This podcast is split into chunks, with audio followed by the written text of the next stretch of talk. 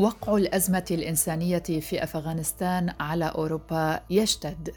أهلا بكم. هذه حلقة جديدة من بودكاست في عشرين دقيقة وهذا هو موضوعنا. معكم براء صليبي. في نهاية شهر أغسطس آب الماضي وصف وزير الخارجية الأمريكي أنتوني بلينكين عمليات الإجلاء في أفغانستان إلى الولايات المتحدة بأكبر عملية إجلاء في التاريخ. ونظرا للأعداد الكبيرة لمن تم إجلاؤهم فقد شكلت هذه العمليات ضغطا على الإدارات والوكالات الأمريكية المختصة باستقبال اللاجئين وتم إيواء بعض اللاجئين مؤقتا في قواعد عسكرية أمريكية قبل نقلهم إلى أماكن أخرى. اليوم نشهد أزمة جديدة فمنذ بداية 2021 وصل أكثر من أربعة آلاف لاجئ إلى ليتوانيا متجهين منها إلى أوروبا بزيادة قدرها خمسين ضعفا عن عام 2020 هذه الأزمة الإنسانية في أفغانستان بالفعل أدت إلى تعميق الصراعات في مناطق أخرى بما في ذلك أوروبا التي سنتحدث عنها اليوم باستفاضة في حلقتنا حيث تتصاعد المواجهة بين بيلاروسيا وجيرانها في الاتحاد الأوروبي بولندا وليتوانيا ولاتيفيا نتذكر هنا كيف كان اللجوء سابقا خلال السنوات الماضية؟ وتحديدا فيما يخص اللجوء السوري أيضا مر بنفس الطريق. وأيضا قوبل اللاجئون في هذه المناطق بالرفض وبعضهم لاقى السجن. وآخرون بقوا عالقين لفترات طويلة دون مأكل أو ملجأ أو حتى دون أي خيمة تقيهم برد الشتاء أو قيظ الصيف. أما حديثنا اليوم فهو عن اللجوء الأفغاني وحتى قبل انهيار كابول كان الرئيس البيلاروسي ألكسندر لوكاشينكو يقوم بتهريب اللاجئين والمهاجرين عبر الحدود وذلك من أجل الانتقام من جزاءات الاتحاد الأوروبي على دكتاتوريته ولتحقيق بعض الإيرادات الإضافية. وقد نظمت السلطات البيلاروسية رحلات جوية من مدن عراقية وتركية بعد إلزام المسافرين بدفع عدة آلاف من الدولارات ووعودهم بوصول آمن وسلس إلى أوروبا الغربية، لكنها قامت بإلقاء حمولتها البشرية على الحدود البولندية أو الليتوانية أو اللاتفية. من يتابع هذه الأيام يقرأ أيضا المزيد من التفاصيل حول ذلك وعن وجود أعداد هائلة من الشبان من مختلف الدول وتحديدا من أفغانستان وسوريا. اليوم وصلوا إلى مطارات بيلاروسيا وهم عالقون هناك لأن بعض المكاتب أيضا عملت على استغلال هذه الأزمة استغلال رغبة هؤلاء الشباب بالوصول إلى هذه الدول الأوروبية ومنها إلى أوروبا الغربية لكنهم ظلوا عالقين هناك. منذ بداية العام أي عام 2021 وصل أكثر من 4000 لاجئ إلى ليتوانيا بزيادة قدرها 50 ضعفا عن عام 2020 مما تسبب في زعزعة استقرار المجتمعات المحلية وتشويش الرأي العام على الصعيد المحلي. وفي مواجهة هذا التدفق غير المسبوق للمهاجرين أعلنت ليتوانيا ولاتفيا حالة الطوارئ واليوم تنضم إليهما بولندا حيث كانت هناك بالفعل عدة مئات من المحاولات لنقل اللاجئين عبر الحدود لكن وعلى هذه الطريق يتم أسر اللاجئين المرتبكين والضائعين والجائعين في المدن الحدودية وإعادتهم قسرا إلى الجانب البيلاروسي. على الرغم من أن عمليات صد المهاجرين هذه تتعارض مع اتفاقية جنيف إلا أن دول الاتحاد الأوروبي تعتمد بشكل متزايد على هذه الممارسة. تتجاهل بولندا علانية حق جميع اللاجئين في التقدم بطلب للحصول على الحماية الدولية وبدلا من وضعهم في مراكز مخصصة والتحقيق في طلباتهم تقوم السلطات البولندية بطردهم في أسرع وقت ممكن ونتيجة لذلك تتزايد المخيمات في المنطقة الحدودية. وخلال الأسبوعين الماضيين تم توجيه انتباه البلاد إلى مجموعة تتكون من 32 مهاجرا من أفغانستان أعيدوا إلى الحدود البولندية البيلاروسية. يقوم رجال ونساء منهكين بالتجول في المنطقة الحدودية محاصرين من قبل حرس الحدود وعناصر الجيش ورجال الشرطة من كلا البلدين فهم ينامون على الأرض بينما لا يسمح للمحامين وللصحفيين ونواب المعارضة وحتى الأطباء بالتواصل معهم. لم توفر لهم السلطات البولندية الطعام ولذلك يعيش هؤلاء اللاجئون على الخبز من البيلاروسيين والمياه من مجرى النهر. وبسبب الافتقار إلى النظافة أو الدواء يصاب المزيد من هؤلاء اللاجئين بالعديد من الأمراض. من ناحية أخرى قام الزعيم الفعلي لبولندا ورئيس حزب القانون والعدالة ياروسولاف كاتشينسكي باستغلال الوضع لأغراضه الدعائية الخاصة على أمل أن يكون لمعارضة قبول اللاجئين تأثير محفز مماثل لمؤيديه كما حدث في عام 2015 وبسبب ذلك يشعر حزب القانون والعدالة اليوم بيأس متزايد بعد تراجع دعمه إلى 30% وهو مستوى لم يعد يضمن فوزا انتخابيا.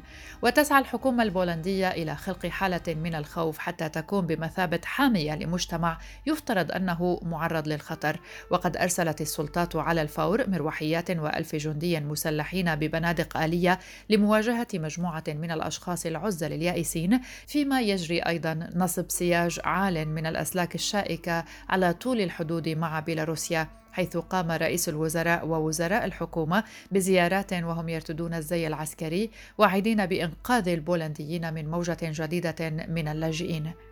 وفي الخامس والعشرين من أغسطس آب أمرت المحكمة الأوروبية لحقوق الإنسان بولندا بتزويد اللاجئين على الحدود بالماء والغذاء والملابس والرعاية الطبية والمأوى المؤقت إذا أمكن. لكن الحكومة البولندية تدعي أنها تتعامل مع مهاجرين غير شرعيين لا يمكن مساعدتهم على أي حال لأنهم على الجانب البيلاروسي من الحدود. ولخلق ذريعة أرسلت شاحنة محملة بالأغذية والأدوية إلى معبر حدودي بعيد عن المكان الذي يخيم فيه الأفغان. وكما كان متوقعا رفضت بيلاروسيا دخول هذه الشاحنة.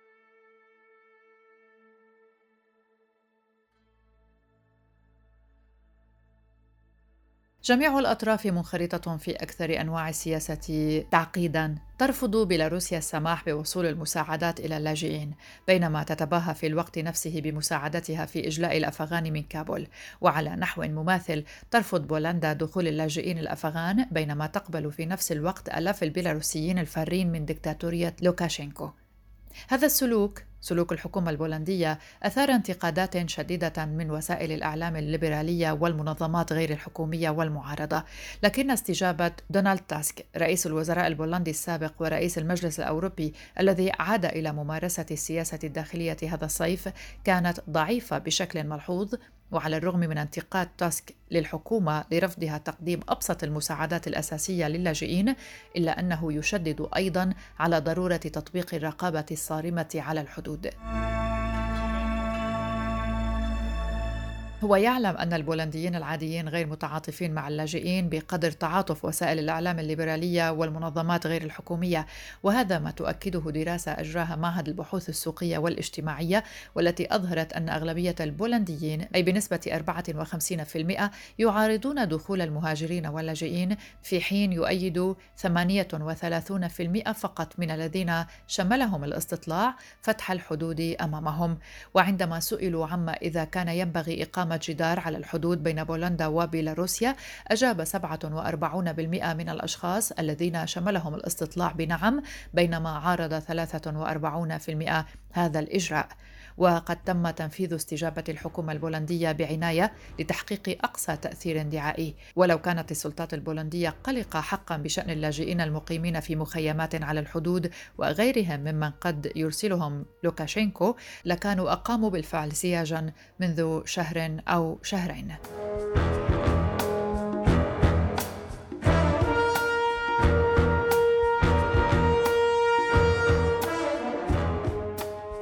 لماذا كل هذا الخوف من اللاجئين؟ إضافة إلى زيادة عدد اللاجئين في الدول الأوروبية بشكل كبير وبسبب اليمين المتطرف في أغلب هذه الدول والذي يرفض هذه الجماعات الجديدة المتجهة للجوء في دول مختلفة ورغم معرفة هذه الدول في أوروبا الشرقية بأن أغلب اللاجئين يسعون إلى قطع الحدود والاتجاه إلى الدول الأوروبية الغربية إلا أن عودة المجموعات الإرهابية إلى أفغانستان وموجة الهجرة من البلاد هي أبرز الملفات التي يحاول الاتحاد الأوروبي التعامل معها مع عودة طالبان إلى السلطة وهو ما يخيف ليس فقط الحكومات وإنما أيضا الشعب. وكما سمعنا في الاستطلاع السابق النسبة كانت كبيرة من الرافضين لوجود المهاجرين أو اللاجئين في دولهم.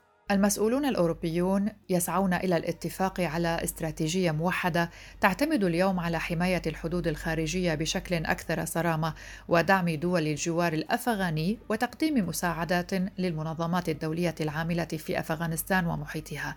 أي دعم هؤلاء اللاجئين لكن ليس في بلاد الأوروبيين وإنما في الدول المجاورة لدولهم الأم.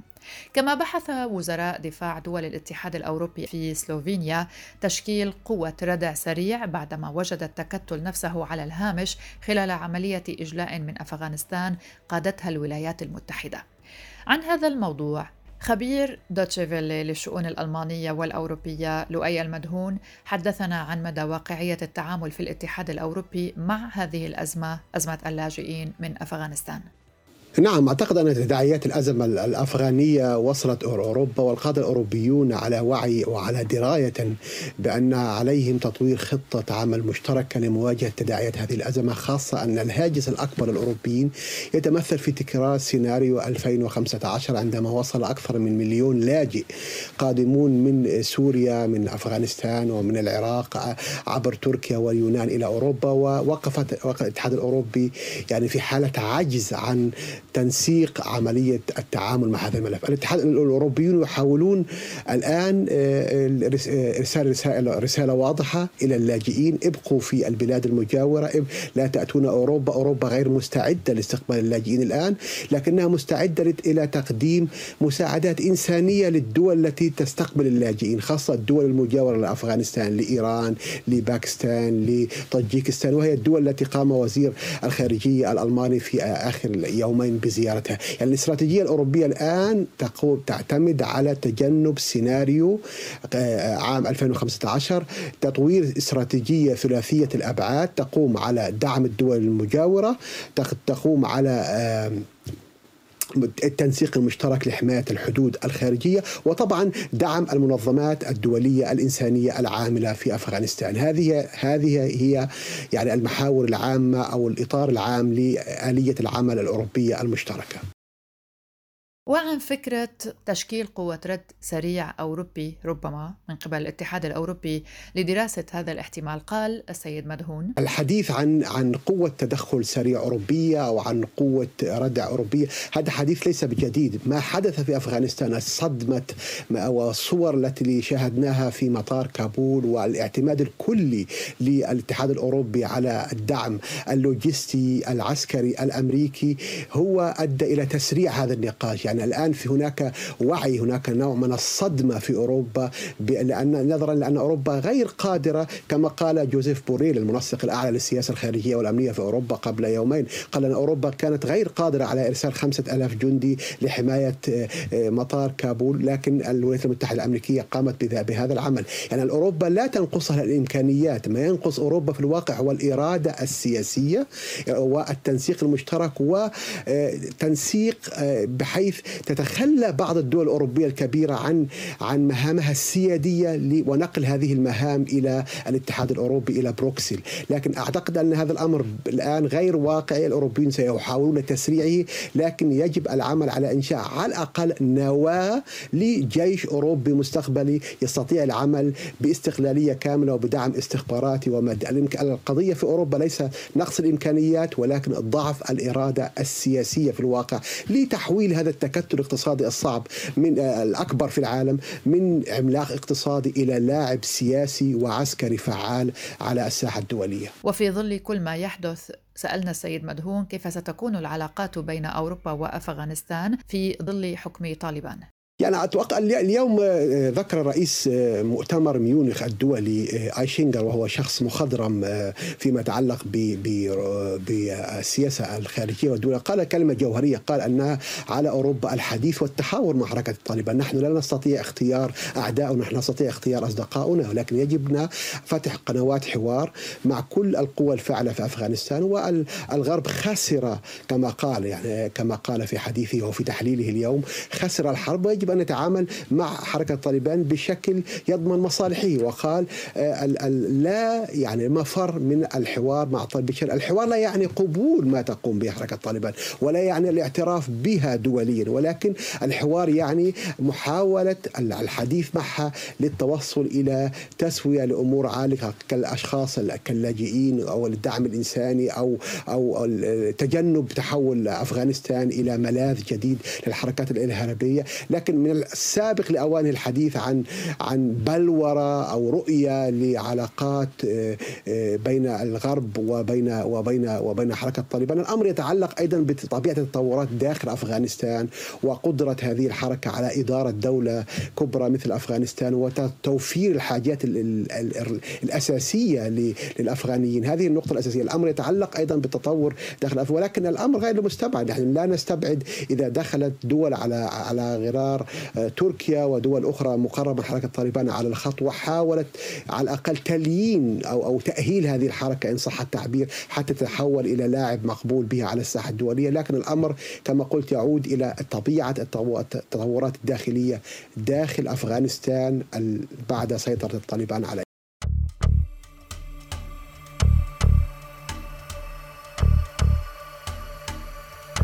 عن سياسة اللجوء الموحدة. المستشارة الألمانية أنجيلا ميركل كانت قد قالت في الثاني والعشرين من يوليو تموز هذا العام في العاصمة الألمانية برلين إنه لم يتم النجاح حتى الآن في وضع سياسة لجوء موحدة بالنسبة للاتحاد الأوروبي ووصفت المستشارة ذلك بأنه عبء ثقيل على الاتحاد الأوروبي ولا بد من حله لافتة إلى أن كثيرا من مهربي البشر لا زالوا يعملون ويستغلون هذا الموضوع.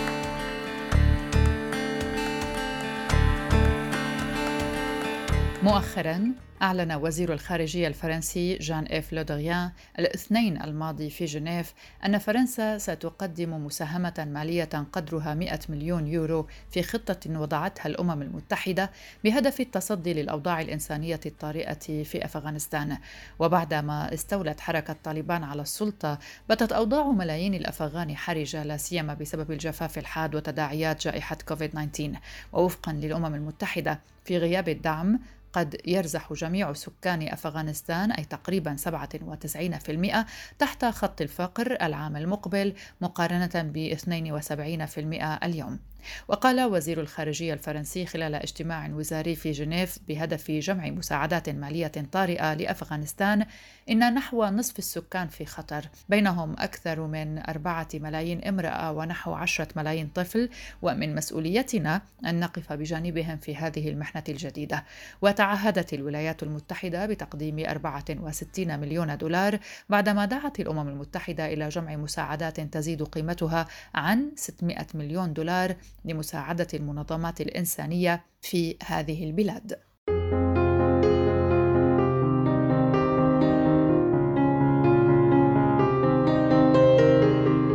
الأمين العام للأمم المتحدة أنطونيو غوتيريش قال أمام الوزراء المشاركين في مؤتمر المانحين إن الشعب الأفغاني يحتاج إلى طوق نجاة، وأضاف: بعد عقود من الحرب والمعاناة وانعدام الأمن، قد يكونون أمام اللحظة الأكثر خطورة الآن.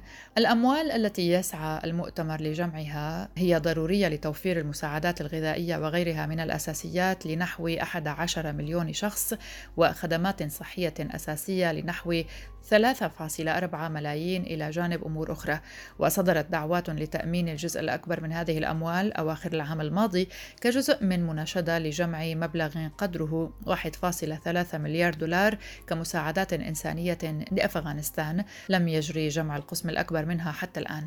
لكن حوالي ثلث الأموال المطلوبة حاليا هي ضمن احتياجات جديدة ظهرت مع انتزاع طالبان للسلطة. وكما شدد غوتيريش على أن الأفغان كانوا يواجهون إحدى أسوأ الأزمات الإنسانية في العالم حتى قبل استيلاء طالبان على السلطة في الخامس عشر من آب أغسطس الماضي وتشير الأمم المتحدة إلى أن نحو 40% من إجمالي الناتج الداخلي للبلاد كان يأتي في الأساس من التمويل الخارجي فيما كان نصف السكان يعتمدون على المساعدات الإنسانية.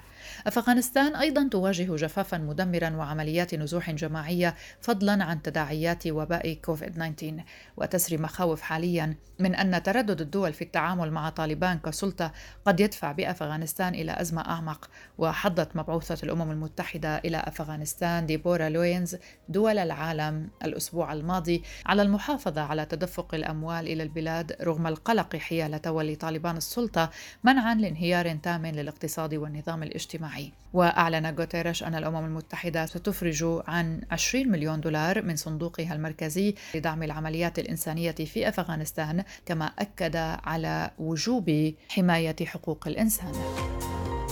هذه كانت حلقة من بودكاست في 20 دقيقة. أشكر زميلتي وصديقتي الصحفية يالا فهد على المشاركة في الإعداد.